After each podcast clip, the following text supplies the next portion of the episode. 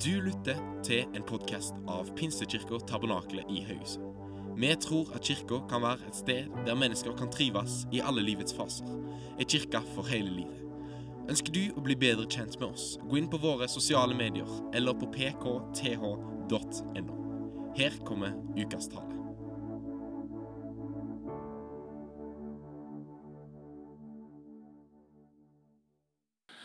Herren han legger merke til to ting. Han legger merke til våre bønner og våre almisser.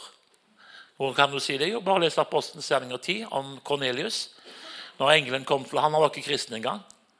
Så sa Herrens engel til ham, dine bønner og dine almisser er steget opp til ihukommelse. Så det vi gir til fattige mennesker og gir til mennesker i nød, det er faktisk stått noe som Gud registrerer i boka. Det står ikke så mye om så mye annet. Bønner og almisser det var det som var registrert.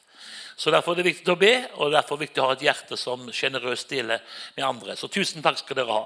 Og Jeg vil også nevne det at eh, Vassbakk og Stol med Torgrim her har nok en gang fullt diesel på tra trailerne, så vi er så takknemlige. Så Haugesund er en velsigna plass for oss. Vi reiser aldri tomhendte herifra. Vi er bare så rikt velsigna som får lov til å kjenne dere og får lov til å oppleve at dere er en fantastisk støttemenighet som står bak oss i vårt arbeid. Så Gud velsigne deg rikelig tilbake. Yes, Da skal vi ta litt fra Guds ord. Det er jo herlig. Jeg tenkte på det der med nadvær. Jeg får jo ikke være så mye på nadvær, for jeg håper å si, jeg er jo aldri hjemme. Det er derfor det går så bra i ekteskapet. det er en som spurte om hvordan kunne være gift med samme dame i så mange år. så er det ikke et problem for meg. Jeg er aldri hjemme. Jeg er evangelist, så jeg fatter så mye at det, hvis det blir litt turbulent, så bare reiser jeg til Ukraina. Og når jeg kommer tilbake da, så er det back to the first love. Så det er jo fantastisk å eh, oppleve den situasjonen også. Men eh, nadvær er jo fantastisk. Og, det er jo, Jeg så plutselig et bilde når jeg satt her og tok nadværen. så Det står om israelsfolk rett før dødseggen skal gå gjennom landet så står det at de strøk blodet på dørsterskelen, og de spiste lammet. ikke sant? Og, de, og spiste usyra brød. ikke sant?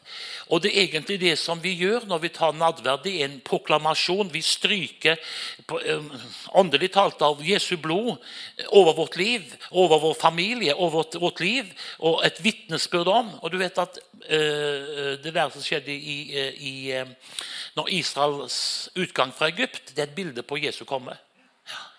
Eh, ikke sant? Og jeg tror at tidene kommer i verden også mer og mer. Og du ser det også hvordan Det står det, det var et hus i Egypten som ikke var, eh, der ikke var nød. Og det, det Hele verden er rustes i den tiden vi lever. og Derfor er det viktig at vi løfter blikket og forstår at vi som tror på Jesus og har kraften i Jesu Kristi forsoningsverk, vi proklamerer det ikke bare én gang i ny og ne, men hver dag over vårt liv. Proklamerer blodets kraft. Halleluja. Og Jesu Kristi seier over våre liv. Det er vidunderlig at vi kan få lov til å være skjult i Jesu blod, sang vi en gammel sang. og den, Det er herlig å være. Så, men nå i formiddag skal jeg lese fra Salme 36, vers 10. Og Der står det noe veldig fint. Salme 36, vers 10. Og der står det slik, og jeg leser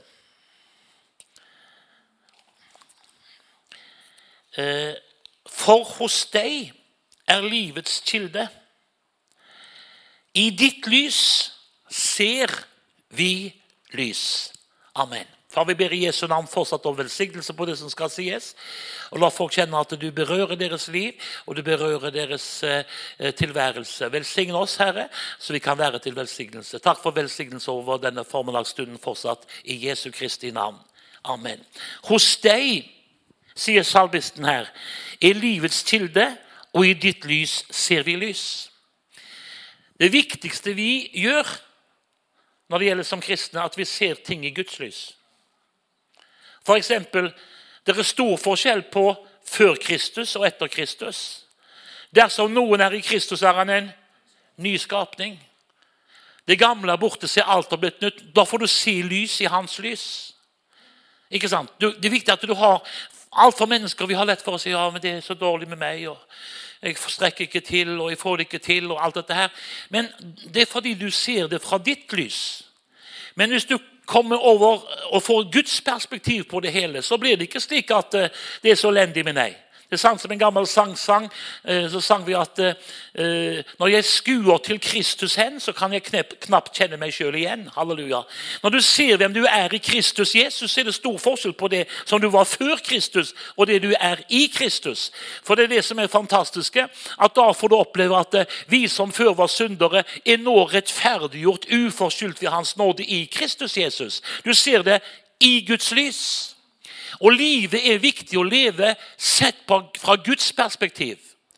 Og Hvis du leser i Bibelen, så finner du ut at Gud eh, Det står mange ting om, om hvordan, eh, som vi kan lese om Gud. Ikke sant? Hele skaperverket, sier Skriften, forkynner hans storhet. Men hemmeligheten er ikke bare å se hva Bibelen forteller om hvem Gud er. Men du må også lese i Bibelen hvordan Gud ser på deg, og hva Gud vet om deg. Halleluja. Og Da blir det litt eh, forskjell, forstår du. Halleluja. Du vet at Bibelen sier det i, i, i 2. Krønikebok 16, nesten, at Herrens øyne farer over hele jorden for at han med sin kraft kan støtte den hvis hjertet er helt med ham. Så Gud har et perspektiv på det hele, og han vet mye mer om deg enn du kan fatte og forstå.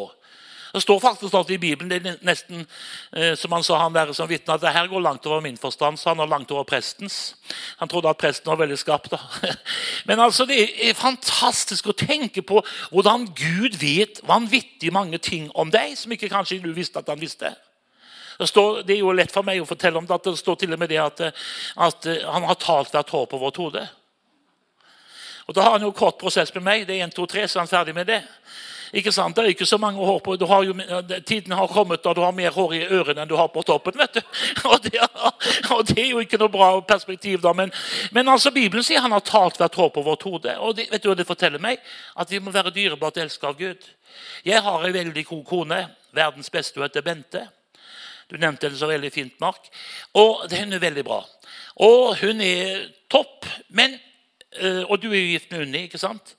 Og du er, hun bra, hun også? ikke sant? Ja, Jeg bare spør deg, så du kan nikke. Hun er ikke her, så du kan si hva du vil. Full frihet. Men, men, det er klart at aldri har jeg vært i nærheten av å satt Bente i sofaen og sagt Bente, jeg er så glad i deg. Og så har jeg talt hvert eneste hår på hennes hode. Altså, Jeg har ikke sjans til det, for det er så mange hår på hodet til damen at vi har ikke sjans til å telle det. Men Bibelen sier at Gud har talt hvert hår på vårt hode. Og Jeg har veldig bra kone, men det var Sismann, sa han der, eh, som, eh, som eh, fortalte at, at når jeg var nygifte, så var jeg så glad i kona mi at jeg kunne ete henne opp. sa han. Men nå sa han på slutten her, så er det ofte at jeg angrer på at jeg ikke gjorde det. Men vi er jo ikke der. Ikke for min del. Jeg er veldig glad i kona mi. Jeg elsker henne av hele mitt hjerte. Men jeg har aldri talt hvert hår på hennes hode. Så Gud i himmelen han har mye mer perspektiv på ditt liv enn du kan fatte. Og Jeg leste i Salme 139 på morgenkvisten. Der står det hvordan Gud, når David han, han tenker på hvem Gud er. Og Så sier han bl.a. der at ikke et ord på min tunge, du kjenner det så vel. Så Gud har mye mer oversikt over deg enn du kan fatte. Ja, Hvis vi skal tro hva David sier i Salme 139, bare les den salmen. Det er en vidunderlig salme. Så sier han ikke et ord på min tunge uten at du vet det. Så sier du det er litt for mye av det gode. Det er klart at det høres nesten sånn ut, men jeg tror at Gud følger så nøye med og har så full kontroll at han vet hva vi snakker om også. Derfor sier Bibelen om noen taler han taler som Guds ord. At vi, har, eh, tenker på hva vi sier, ikke bare spyr utover oss alt mulig rart, men at vi taler i henhold til Skriftens ord. ikke sant? Så Gud vet hver eneste ord som er på din tunge. Når jeg var i Ålesund, så eh, var jeg en minnet i Langevåg. Du kommer fra Langevågen, sant vel? så det kjenner jo til. Og Der der, er, der, er der en flott forkynner som var og prekte kvelden før meg. Og han, han er eh, iransk. Han heter Shervin. vet ikke om du har hørt om han, En veldig fin iransk eh, mann som var muslim. Kom til Norge som flyktning. Og eh, opplevde de at ikke alle nordmenn var inkluderende. Derfor er det viktig at vi er rause mot folk som kommer, både ukrainere, iranere og uansett hvor de kommer fra. Men han opplevde det. Han ble mobba. 'Dra deg hjem der du kom ifra.' Ikke sant? 'Du passer ikke her.' Hørte negative ting. Han var ung, han følte det traff han negativt. Og det, Han sa den eneste plassen som de tok imot meg, vet du hva det var? På gata blant de narkomane. Så der følte han seg hjemme. Og det er klart, det var jo ikke lenge etter så var han narkoman. Og, sen, og, Så lenge var han narkoman at til slutt så var livet hans ruinert. og Da følte han depresjonen kom snikende. og du vet Det fins en som ønsker å stjele, myrde og ødelegge. Han sa til ham det er mye bedre at du tar livet ditt. Og det trodde han på til slutt. Kjærvin. Så han fant den største blokka i Kristiansand eh, og hadde helt bestemt seg for at i dag ender mitt liv. Og Han går opp i 11. etasje, Skjervin. Eh, og eh, han tenkte i sitt stille når han gikk opp trappene, forteller han, det er ingen som kommer til å gråte over at jeg dør. Selv mor og far ble sikkert glade, for jeg har ødelagt så mye i familien pga. mitt eh, liv som narkoman. At de kommer sikkert også til å være håper jeg, måtte glad for at det er slutt. Og står der i 11. etasje og skal gå opp på rekkverket og skal hoppe. Og Unnskyld at jeg sier det, men vi som kristne i den tiden, det er viktig at vi er litt observante med venner og mennesker vi møter på vår vandring.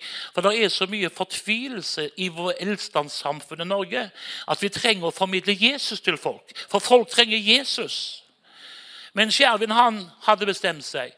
Men så, så, så, så tenkte han jeg har bedt, så forteller han, jeg har bedt til Allah, og han hadde ikke hjulpet meg. Men så sa han jeg, tenkt, jeg tenkte jeg skal, siste bønn jeg ber, skal jeg be til de kristnes Gud. Og Mens han står oppe i 11. etasje og skal til å hoppe, så løfter han sin hånd og så sier han følgende. For han visste ikke så mye om Jesus, han sa, du himmelens og jordens skaper. Hvis du ser meg nå, så hjelp meg, for nå er jeg så fortvila. Så gikk det ti sekunder. Det er helt sprøtt, det jeg forteller, men det er sant kan bare høre med skjervin. Gikk det 10 sekunder, kanskje 15, så ringer mobilen hans. Og Så tenker han 'Hvem kan ringe nå?' Og så ser han på navnet på mobiltelefonen. Der står det Martin Gelén. Han hadde vært kamerat med han og narkoman med han på gatene i, på Sørlandet. Så Han visste at han var en egentlig god mann, en god kompis. Så han så at Martin Gelén ringer. Så tenker han ja, ja, jeg får ta den telefonen da, om det er det siste jeg gjør. Så tar han telefonen og sier han, 'Hallo, Martin. Hvorfor ringer du meg?' For han vet ikke at Martin Gelén har blitt frelst. Det hadde ikke han fått med seg. Og så sier Martin Gelén, 'Jeg ringer deg fordi at' Og hør hva Martin Gelén sa. 'Himmelens og jordens skaper har bedt meg å ringe deg og si' at han ser deg og han kjenner deg. Da fikk han sjokk, Skjervin, iranske flyktningen. Så tenkte han, så han 'Hvordan vet du? Hvor er du hen spurte Martin Gelén. Nei, det vil ikke si, sa han. Men hvordan visste du at jeg ba for 15 sekunder siden til himmelens og jordens skaper? Og så ringer de jo, så sier du akkurat de samme uh, orda. At himmelens og jordens skaper har bedt meg å ringe til deg. Da sier Martin Genin kan ikke du komme eh, og møte meg på eh, Og så fortalte han de møttes, og så møtte dem. Og Istedenfor å hoppe fra 11. etasje fikk Martin Gelin be frelsesbønn med Skjervin. Halleluja. Og I dag er Skjervin en leder eh, for mange muslimer som kommer til tro på Jesus. Og han er en brennende, fantastisk evangelist som bor i Grimstad og gift meg fra Latvia. Så du forstår det at hvert ord på vår munn Herre, du kjenner det. Herren vet mye mer om det enn du kan fatte. Han har ikke bare tatt håra på, på huet. Det er godt at han har kontroll på det. Det betyr ikke så mye feil. Jeg har jo som regel Når jeg går til frisøren, så tar jeg en sånn kort prosess. En dame som satt der eh, i Drammen og skulle klippe meg. 'Hvordan vil du klippe?' sa han til meg. 'Ta en sånn satellittklipp', sa jeg. Så kikket jeg så i speilet at hun ble helt sjokkert. Så sa han, 'Hva mener du med det?' 'Vet du ikke hva satellittklipp er?' sa. 'Nei, det visste du ikke.' 'Ja, det er for noe', sa han. 'Det er en tur rundt månen', sa jeg. så det er sånn sveis som jeg har. Men allikevel, så om han har talt håra på huet, det er bra, men det er noe som er enda bedre. Vet du hva det er for noe? Han elsker deg, og han kjenner deg ved navn. Esaias 43, eh, vers Eh, vers 1 eh, sier eh, Så sier Herren som skapte deg, som dannet deg, frykt ikke, jeg har gjenløst deg, jeg har kalt deg ved navn, du er min. Jeg så Dick som kom på morgenen, og jeg så Magne. Det husker jeg navnet på. Og, og Mark husker jeg navnet på, Jerry dag, er det eneste jeg klarer her å ta på sparket. Men vet du hva Bibelen sier? At Gud kjenner deg ved navn. Gud har full oversikt på deg. Jeg har glemt det. Jeg er dessverre kommet opp i den alderen da jeg husker ikke så mye som jeg huska før. Jeg syns jeg husker bra, da. Men noen folk sier ja, hva er det, det sånn? Eh, men jeg vil ikke si da at jeg, jeg husker deg, for det er ikke alle jeg husker. Som Knut Pettersen han var jo også en pinsepredikant som var litt spesiell. Han traff ei dame på Hedmarktoppen, og så sier hun 'Å, Knut Pettersen'. Så sier han til henne 'Å, sånn, deg har jeg akkurat gått og tenkt på'. Ja. Og så gikk han fem minutter, Etter han hadde snakket litt med henne, så gikk de forbi der, han og kameraten så sånn 'Kjente du den dama?' sa han. Der er ikke jeg. Men, men, men, det er ikke alle jeg klarer navnet på. Men hør hva jeg sier til deg. Han som vi tror på, i hans lys, så er du kjent ved navn. Jeg har, jeg har, jeg har gjenløst deg. Jeg har kalt deg ved navn. Du er min. Han kjenner deg ved navn. Og Det er også kanskje vanskelig for deg å forstå. Men når Gud skriver, kaller på deg, så ønsker han å skrive ditt navn i livets bok. ja. Så du er ikke bare en ukjent masse oppe i himmelen. Bibelen sier det. Gled deg ikke over at ånden er dere lydige, men gled deg over at navnet ditt står skrevet i livets bok. Så der oppe så er jeg kjent ved navn. Hvis du hadde spurt Herren og sagt kjenner du Halvor Hasløy, ja, han kjenner jeg. Han er en veldig fin broder, sier han sagt. Han må du bare velsigne. Det er en kjekk. Hans navn står her i Livets bok. Han ble frelst i april 1973. Halleluja! Prise Gud. Vi er, vi er kalt ved navn. Du forstår, Gud kjenner navnet ditt. Selv om jeg har glemt navnet ditt, så roper Gud på deg og sier, 'Jeg har gjenlyst deg. Jeg har kalt deg ved navn.' Ikke sant? Elisabeth, du er min. Jeg har tegnet deg i begge mine hender. Jeg har kalt deg ved navn. Du, Gud kjenner deg ved navn. Den har du kanskje hørt før, men jeg, vet, jeg er jo litt nysgjerrig av meg. Og derfor så når jeg var her på Connection i går, eller på uh, Pluss 20, så spør jeg at, hva heter du for noe. Ja vel. Så sier den fornavnet sitt, men det er litt uvesentlig for meg. selv om det er viktig da. Men så spør jeg hva heter du til etternavn, for da kan jeg plassere dem. Det der jeg plasserte deg. vet du. Når du begynte å sa Slinning, så forstår jeg med en gang hvem du var. Kjenner jo både mor di og bestemor di og håper å si bestefaren. Ja, hvert så, husker jeg. Så, så, så du kan etternavnet avsløre mye for meg. Men, så derfor Når jeg er frimodig og spør sånn, så er det jo en hensikt, for jeg ønsker å identifisere hvem mennesker er. Og Så var jeg i Hallingdal for en, stund siden. Og Så prekte jeg på Ål, og så skal jeg på preke på Nesbyen på kvelden.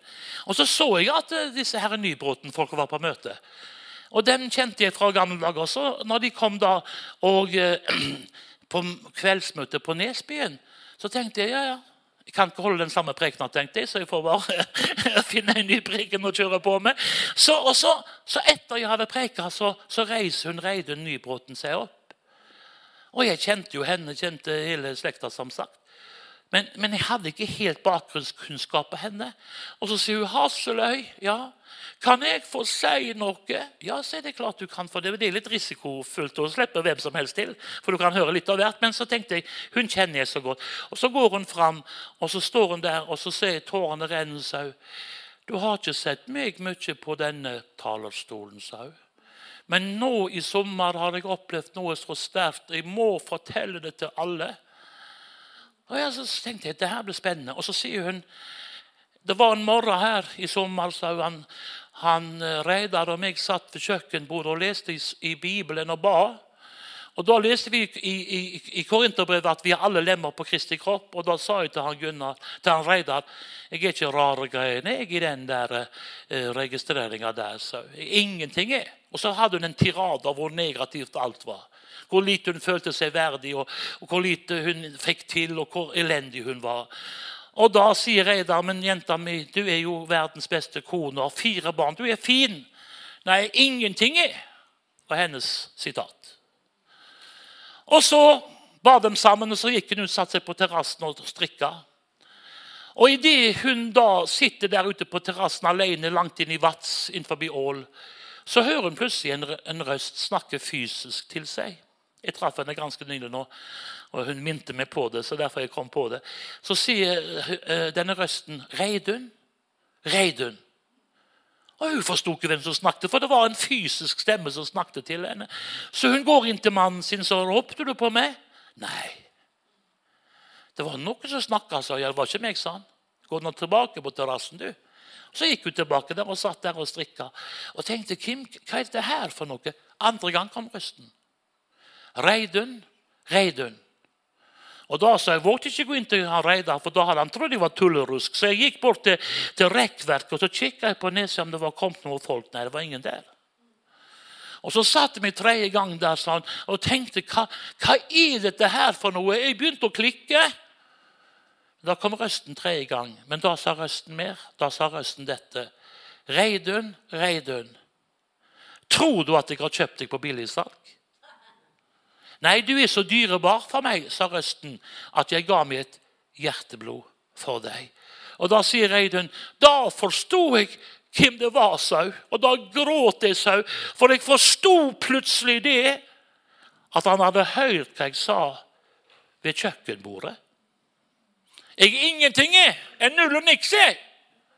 Tror du at jeg har kjøpt deg på billigsalg? Du er så dyrebar for meg at jeg ga mitt hjerteblod for deg. Jeg vet ikke om du har sagt det samme noen gang. Ingen kjenner meg, ingen bryr seg om meg. Ingen setter verdi på meg. Det er en som sier, 'Jeg har gjenløst deg'. Jeg har kalt deg ved navn. Du er min. Du skal ikke la fienden få slå deg ut og fordømme deg og, og kjøre deg ned i mismotsånd, men du skal la Herrens ord lyde for ditt indre menneske, som sier i mine øyne er du dyrebar. I begge mine hender har jeg tegnet deg, kalt deg ved navn. Du er min. Jeg har gjenløst deg. Jeg har kalt deg ved navn. Du er min. Priset være Herrens vidunderlige navn. Med evig kjærlighet har jeg elsket deg. Derfor lar jeg min miskunnhet mot deg vare ved. Halleluja. Det er derfor jeg må helt ærlig si til dere at jeg er frimodig av, av natur. Før jeg ble frelst, så var jeg frekk. Nå har jeg blitt bare eh, kristen, så blir jeg bare blitt frimodig. Halleluja. Men, eh, men, sånn er det. Det er herlig å være frimodig. Og så har jeg egentlig et veldig godt bilde av meg sjøl. Jeg sier du, det er ikke rar greiene å se på. Det Jo, jeg syns det er bra. det Jeg ser i speilet på morgenkvisten What a beautiful man, tenker jeg. Halleluja. Ja, Hvorfor er du sånn? da? Jo, fordi det er viktig å ikke bare ha tro på Gud, men også ha tro på seg sjøl. Hørte du hva jeg sa til deg? Så mange mennesker går med fordømmelse og føler seg null og niks i fattigdomskommisjonen. Jeg skal si deg en ting. Hvis du forstår hvem du er i Kristus, så er det ikke null og niks.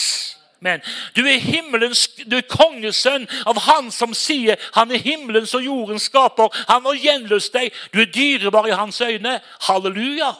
Ja. Og da kjenner, jeg, Det står i Bibelen også at vi skal elske, elske vår neste som vi elsker hvem? Oss sjøl, ja.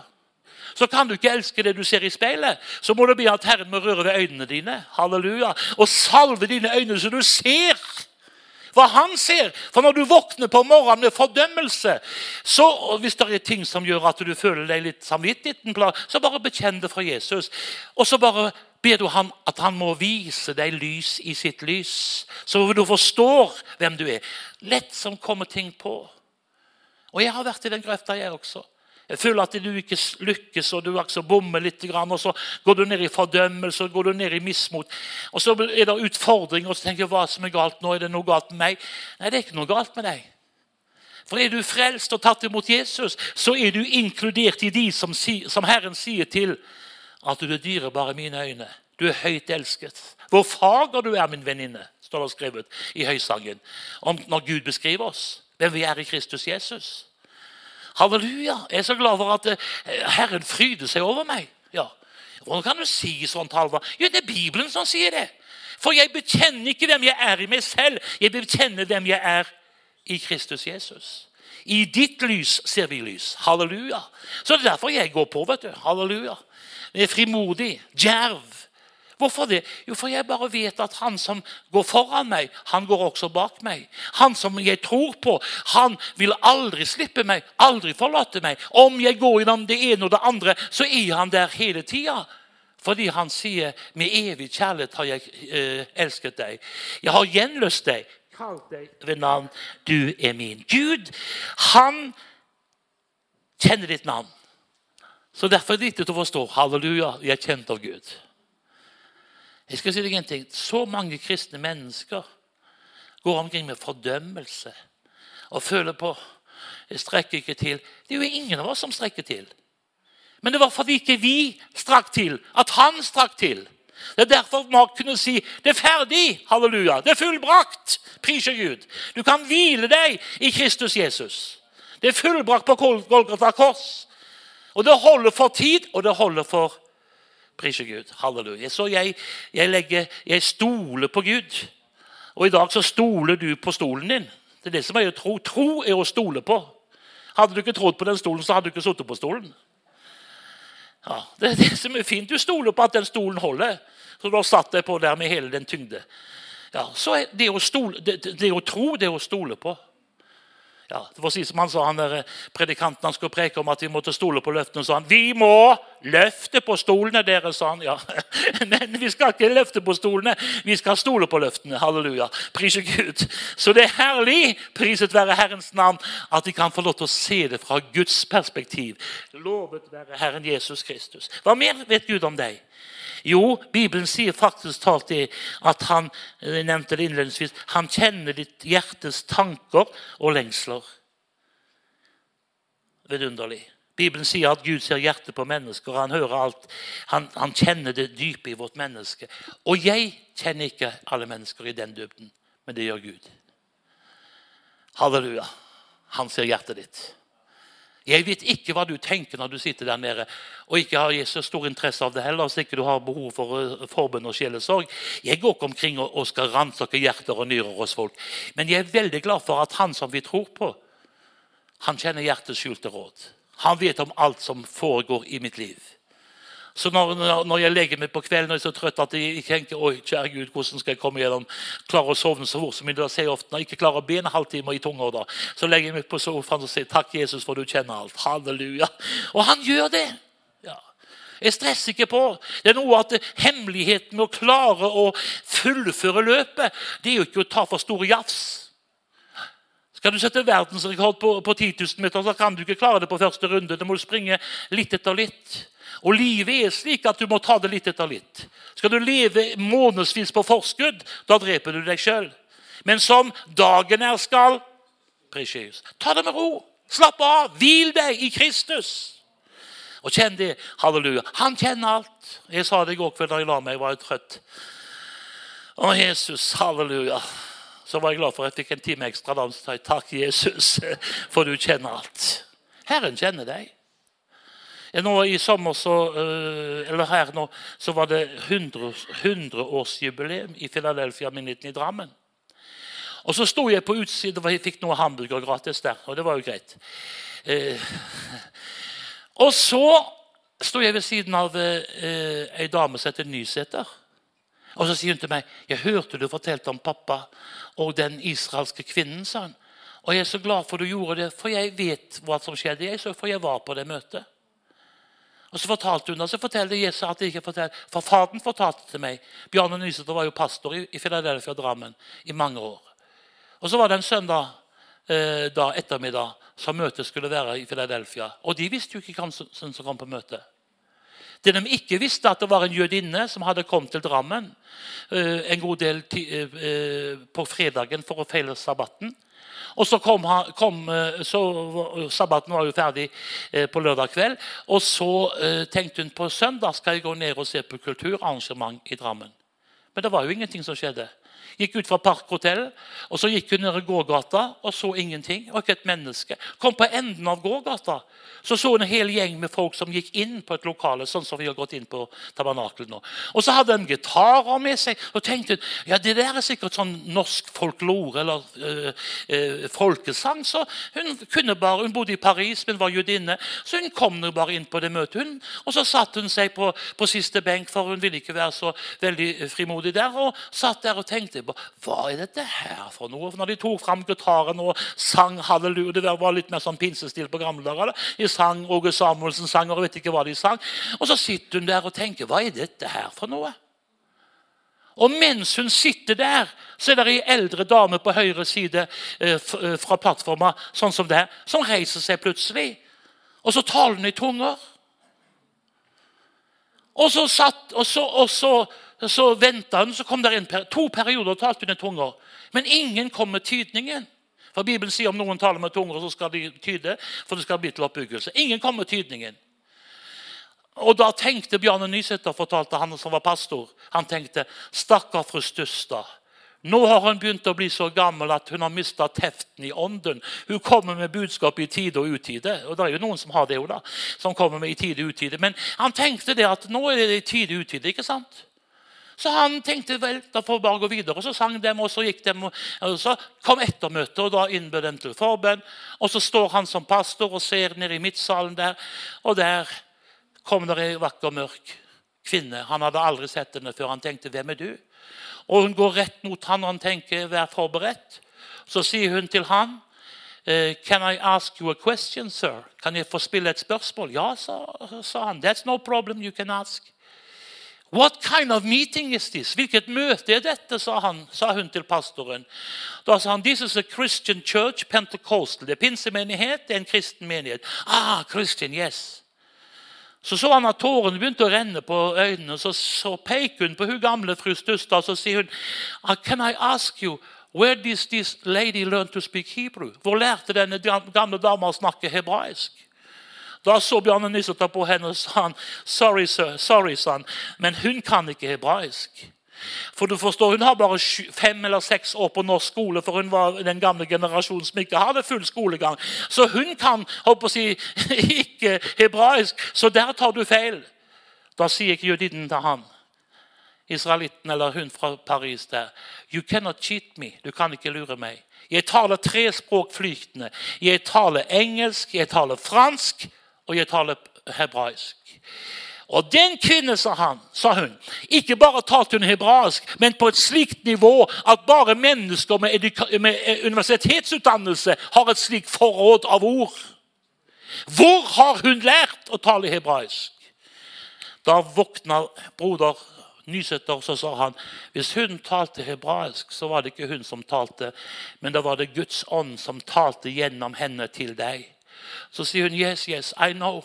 For ikke bare talte hun hebraisk, men hun avslørte hele mitt liv. For budskapet hadde vært noe i den retningen. Du finnes her, en Israels datter. Du har alt hva verden kan gi deg. Sølv og gull i mengde har du, men du har ikke fred i ditt hjerte. Men hvis du vil komme til meg, som er Israels hellige, skal du få møte min sønn, som er Jesus Messias. Han skal gi deg det ditt tomme hjerte lengter efter. Og så så hun på hans hånd. I want to meet this Jesus.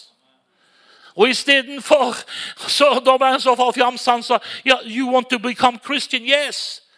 Can I kneel down here? Kan jeg bøye? Ja. Så bøyde de seg. Og så ba Bjarne Nysæter og dattera som jeg traff nå for noen eh, stund siden, bare noen måneder siden, så bøyde de seg ned. Og der møtet judinnen Jesus som Messias og frelser og Herre. Halleluja! Du forstår, Gud har full oversikt på hvem som er på møtene. Jeg har ikke det. Slapp helt av. Jeg skal ikke ta og naile deg. Men det er en som kjenner deg ved navn. Det er en som vet hvordan du har i ditt hjerte. Og så sier hun det. hver eneste jul fikk pappa og Pappa og, eh, og mamma julebrev fra Paris. Der judinnen skrev jeg takker Gud hver dag for at i din menighet fant jeg Jesus som er nå min frelser og herre. Jeg tilhører en pinsemenighet i Paris. Og jeg er så takknemlig for at jeg fikk komme på din kirke. Der fikk jeg møte Jesus som min frelser og herre, som min Messias. Hva sier vi til det? Halle, prise Gud. Halleluja. Da har vi grunn til å si tenk hvilken vidunderlig Gud vi har. Bibelen sier Gud ser til hjertet. Det var det jeg sa til hun der borte på Karmøy, som kom til meg også. Den har hun kanskje også hørt før. også. Var så veldig frimodig som Karmøy-folk kan være. Så sa hun til meg nå skal du si meg helt ærlig, Halvard. Jeg skal si deg er nyfrelst? Jeg sa ja, si. Det er fint. Og så skal du svare meg helt ærlig. Ja, hva jeg svarer jeg på nå, da? Jeg, visste, jeg, var, jeg var litt usikker på. Er det synd å sminke seg? Så så jeg på henne og sa hvorfor spør du meg om det. Jeg, var, jeg har ikke snakket om sminke. Nei, det var en predikant som var her i forrige uke. Han sa det var stor synd å sminke seg. Hva mener du? Da så jeg på henne og sa jo eldre du blir, jo mer trenger du. Mener du med det? Alle gamle hus på Karmøy trenger et strøk med maling så jeg får holde fasaden i orden. Og du er såpass oppe i år at du trenger både litt kitt og litt silikon både her og der så jeg for å holde fasaden i orden. Så hvis det er det du trenger, så bare Men ikke smør på så mye så du ser ut som en indianer på krigsstien. Det er ikke pent å se på seg. Men lite grann går greit. Hvordan likte du det svaret? For jeg tenkte nå fikk jo så parykken passa. Og sa likte du det svaret? Både òg, sa hun. og greit, det, sier Og så sa hun noe helt dumt til meg. Jeg var jo riktig da sagt, men litt dumt for meg. Og så sa hun for det første, jeg liker å pynte meg for Jesus. Så så jeg på henne. Det er greit nok, det, sier jeg, men det er bortkasta penger. Hva mener du med det? Jo, Bibelen sier Gud ser ikke som mennesker ser. Vi mennesker ser på det utvortes, men Herren ser på det viktigste vi har. Det er et åpent hjerte for Herren Jesus Kristus. Det viktigste, det, det, er greit. Det bedre at det lukter godt enn at det lukter i hele tatt. Ja, noen folk jeg kommer nær meg, og jeg kjenner det så, Oi, kjære Gud, her lukter det litt av hvert. ikke sant? Det bedre at det lukter litt eh, ja, god duft. Som som, han som kom til, til, pastoren og sa kan du be for ekteskapet vårt. Det er så vanskelig. Så snokte han på han og sa her er det ikke bønn som trengs til. så her er det såpe og vann. Ja. Og Noen ganger så er det ikke så det nytter ikke å løse alt med, med bønn. Det kan være at du kan bruke litt uh, ja, ja. Det må ikke være sånn 'elsker det kommer i mine armer', her er det svetta, lukt og varme. Det er ikke akkurat noe stor attraksjon i et ekteskap. Så smør nå god lukt på deg. Det er bra. Men alt det der, der er bortkasta penger. Fordi Gud han ser ikke på sånt, men han ser på hjertet. Jeg har ikke peiling hva du tenker på, men det er en som på pointet. Han, han, he nailed you to the point. He tells you. I know everything. Don't be afraid. Don't be scarious. Ikke vær engstelig og fryktsom. Jeg har full kontroll. Du kan hvile deg i det fullbrakte verket på Golgata Cross. Halleluja. Jeg vet at noen av dere har problemer og utfordringer i livet. og du kjenner Det Det kan være ekteskap, det kan være ting som er turbulent å, å oppleve. Men er det ikke, ikke stress så mye? Det er mitt vitnesbyrd til dere. Ikke stress så mye. Men hvil deg i dette, sier Jesus, du kjenner alt. Det var det Peter sa. Elsker du meg? Ja. Elsker du meg? Da sa han til slutt, Herre, du vet alt. Det er mye bedre å si alt til Jesus. Han har en vidunderlig sang. Han er Hølmebakk. Jeg tror han heter Helmebakk. Han synger 'Du kan si alt til Jesus'. Jeg er glad for at jeg, jeg snakker med Jesus om alle ting. Og han kjenner deg. Og han kjenner ditt hjertes innerste skal jeg snart være ferdig. Det sier predikanten alltid, og så blir de aldri ferdige. Men, men uh, han kjenner alt. Han ser. Og, og, og, i vann altså La meg få si det. Jeg skal ikke gå hele den detaljen på det. Men i prøvelsens stunder sang vi i gamle dager. Og tenk hvilket under. At aldri alene er du. Jeg skal si deg en ting. Nå har jeg opplevd litt av hvert i mine 50 år som kristen. Og jeg tror jeg har vært mye mer vågal enn mesteparten av dere. Jeg har vært i krigsområder og jeg tenkte lever jeg nå? Lever jeg i morgen? Så jeg opplevde opplevd dette i prøvelsens stunder. Når du går gjennom ild, skal ikke ilden brenne deg. Når du går gjennom vann, skal ikke vannet overskylle deg. For jeg går med deg, sier Herren. I prøvelsens stunder. Og tenk hvilket under! At aldri alene er du. Du kan hvile deg i at det er en som har full kontroll på ditt liv. Og Det siste jeg skal si før jeg skal si amen, det er, det er følgende. Han ser og hører deg og vet å finne deg når du ber. Ja. Halleluja. Det er fantastisk. En ting som Gud har orientering på, vet du hva det er for noe? Det er de som ber. Ja. Altså, Du kan leve i Haugesund by, men Gud vet å finne deg. Når du oppriktig løfter ditt hjerte til han, så vet han å finne den som ber. Han vet adressa på de som ber. Saulus fra Tarsus, har du lyst om han? Ja. Han som forfulgte de, kristne og havna i Damaskus, nede i Syria. Og Han ble slått til bakken av et, lys som strålte mot ham. Saul, Saul, hvorfor forfølger du meg? Og Han havna inn i Damaskus, og han var fortvila. Han hadde blitt blind pga. lyset. Og så lå han der i, i, i, dette rommet, og så ropte han til Gud. Han forsto ingenting, men det står skrevet. Neste morgen var det en profetisk het Ananias. ja. Herren våkna på morgenen og sa han, Ananias, gå ned i den gate som kalles den rette. Inn i hus, Jakobs hus. Opp trapp og ned, opp en trapp og inn til venstre. Der står det skrevet der fins det en mann som heter Saulus fra Tarsus. Hvordan fant Gud han? Jo, fordi han ba, ja. For se, han ber. Halleluja. Og Gud vet å finne den som ber. Og Derfor hør nå, derfor er det viktig at det er en kobling mellom oss som kristne og de som ber. Jeg driver hjelpearbeid i Ukraina. Vet du hva det Gud sa til meg en gang? Jeg var der nede, jeg var så sliten og trøtt. Hvorfor må jeg være her hele tida? sa jeg til Jesus en gang jeg var alene for meg selv. Da sa Guds ånd til meg fordi det finnes så mange som ber, trenger jeg mer enn folk som vil ha bønnesvar. Jeg trenger mennesker som kan være et svar på andre menneskers bønn. Og det skal jeg si deg, det er mange i Haugesund som ber til Gud, selv om de ikke går på tabernaklet. Og Derfor er det viktig at vi hører så mye fra himmelen at vi kan være ledet av Den hellige ånd inn i menneskers liv som trenger en hilsen fra himmelen. Det kan være litt utfordrende av og til, men, men vær frimodig. Blir du minnet på å ringe til en venninne eller en, en venn, så gjør det. For det kan være nettopp denne telefonen som kan gjøre en forskjell på fortvilelse, håpløshet og framtid og håp. Er det sant? Ja visst er det sant. Det er en som kjenner deg, en som elsker deg, og en som håper å si, kjenner alle situasjoner. Han ser den som ber. Oppløftede hender. Halleluja. Slutter med den, da. Jeg er snart ferdig. Klokka er ikke mer enn 13.37. Jeg har jo preket, og kan preke et par timer til. da. Nei, jeg skal ikke det. Men hør nå hva jeg sier til deg. Gud vet å finne den som ber. Jeg har en kar som jeg liker å lese, uh, høre på. Jeg hører litt på Mark. Han har gode prekener. Uh, på nettet, da, tenker jeg på. Og så liker jeg å høre på han der Oddvar Søvik. Vet dere hvem Oddvar Søvik er? Han er frikirkepastor fra Kristiansand. ja. Han liker jeg å høre på. En merkelig kar, altså. Så fin han er. Han er jo helt motsatt. Han er rolig. Ja, du vet. Så han er jo sånn er rolig og sånn. Veldig rolig type. Han mista kona si. Hun hadde, hadde MS, og så, og så mista han kona si. og Så, så gikk det en tre-fire kanskje to-tre år, og så tenkte han kanskje jeg trenger en ny kone. Kan, Herre, har du en ny kone til meg? sa han til Gud. Hvis du har et ord på det at jeg trenger en ny kone, så får du jakse tipse meg. Så fikk han det ordet fra Johannes 10.10. 10. Jeg skal gi deg liv og overflod, står det skrevet. Og da tenkte han ja, ja, det er jo litt merkelig at du fikk et sånt bibelvers. Og Så gikk det kanskje et par måneder, og så plutselig var det en dame som sto foran han, og Hun var enke, hun også. Så sier han til henne hva heter du for noe? Jeg heter Liv, og jeg er pinsevenn. Og da tenkte jeg å kjære Gud, kanskje det er henne. og det endte med det at han ble gift med henne. Og han sa hun er så frisk sånn at jeg har fått liv og overflod. Prise Gud.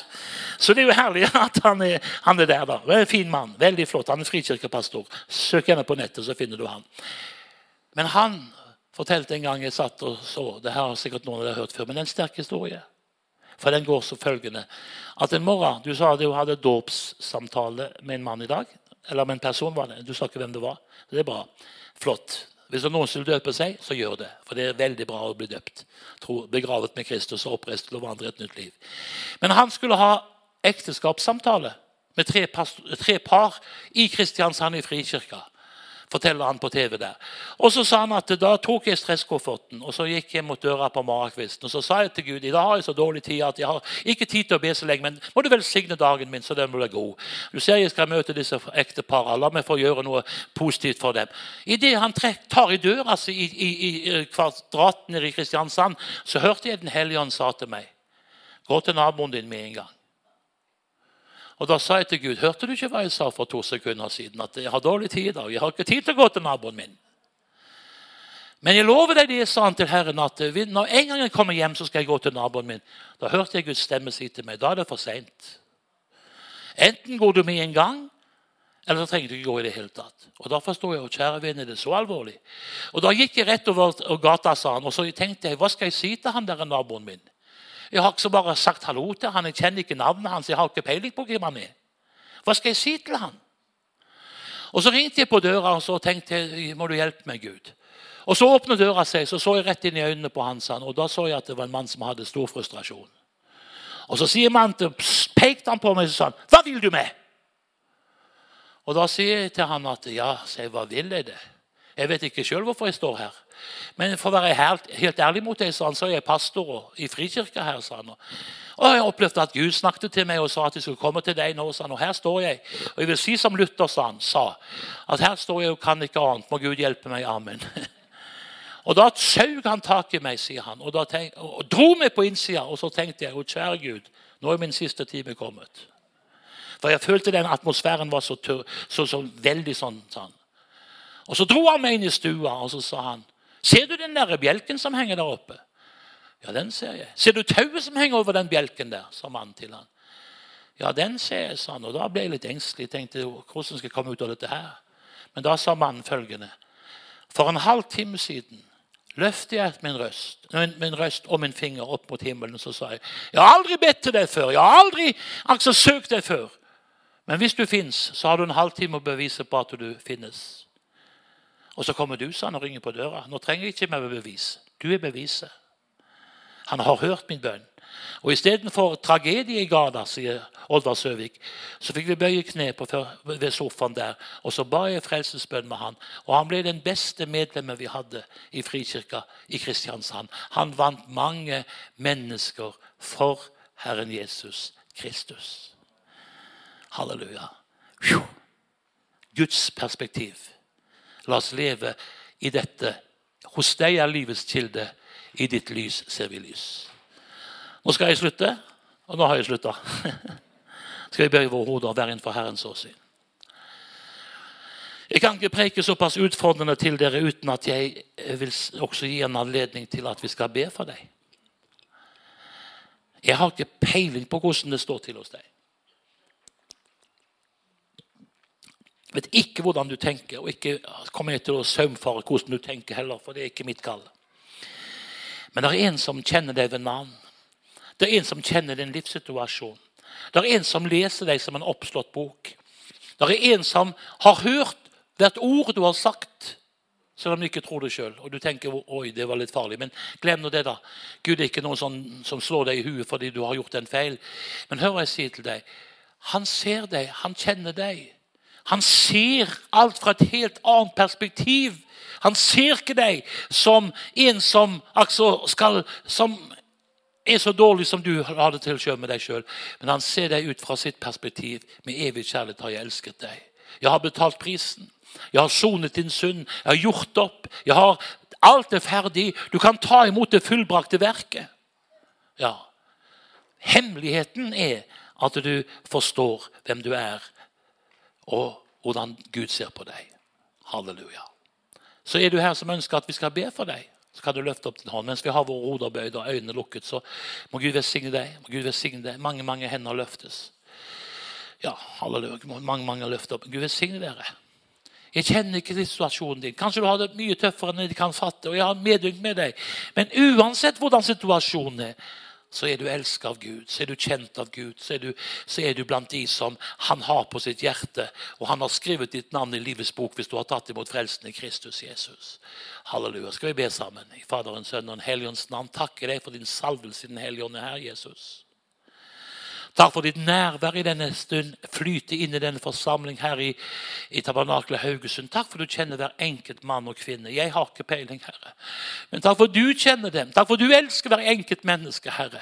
Takk for det var ikke naglene som holdt dette korset, men det var den evige kjærligheten du hadde i ditt hjerte for hver enkelt av oss. Og Da du bare var et foster, så jeg deg, og i min bok ble alle dine dager oppskrevet før en av dem var kommet. Takk for du har full oversikt, Herre, på mennesker.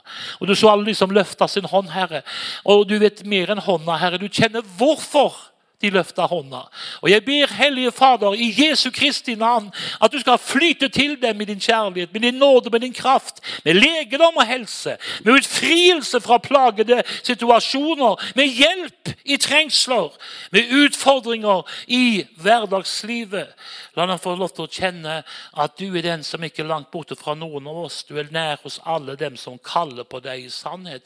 Jeg ber om at din velsignelse skal flyte inn i mennesket menneskers liv og hjelpe dem som trenger å høre det som jeg ble pålagt i mitt hjerte å si til mennesker i denne formiddagsstund.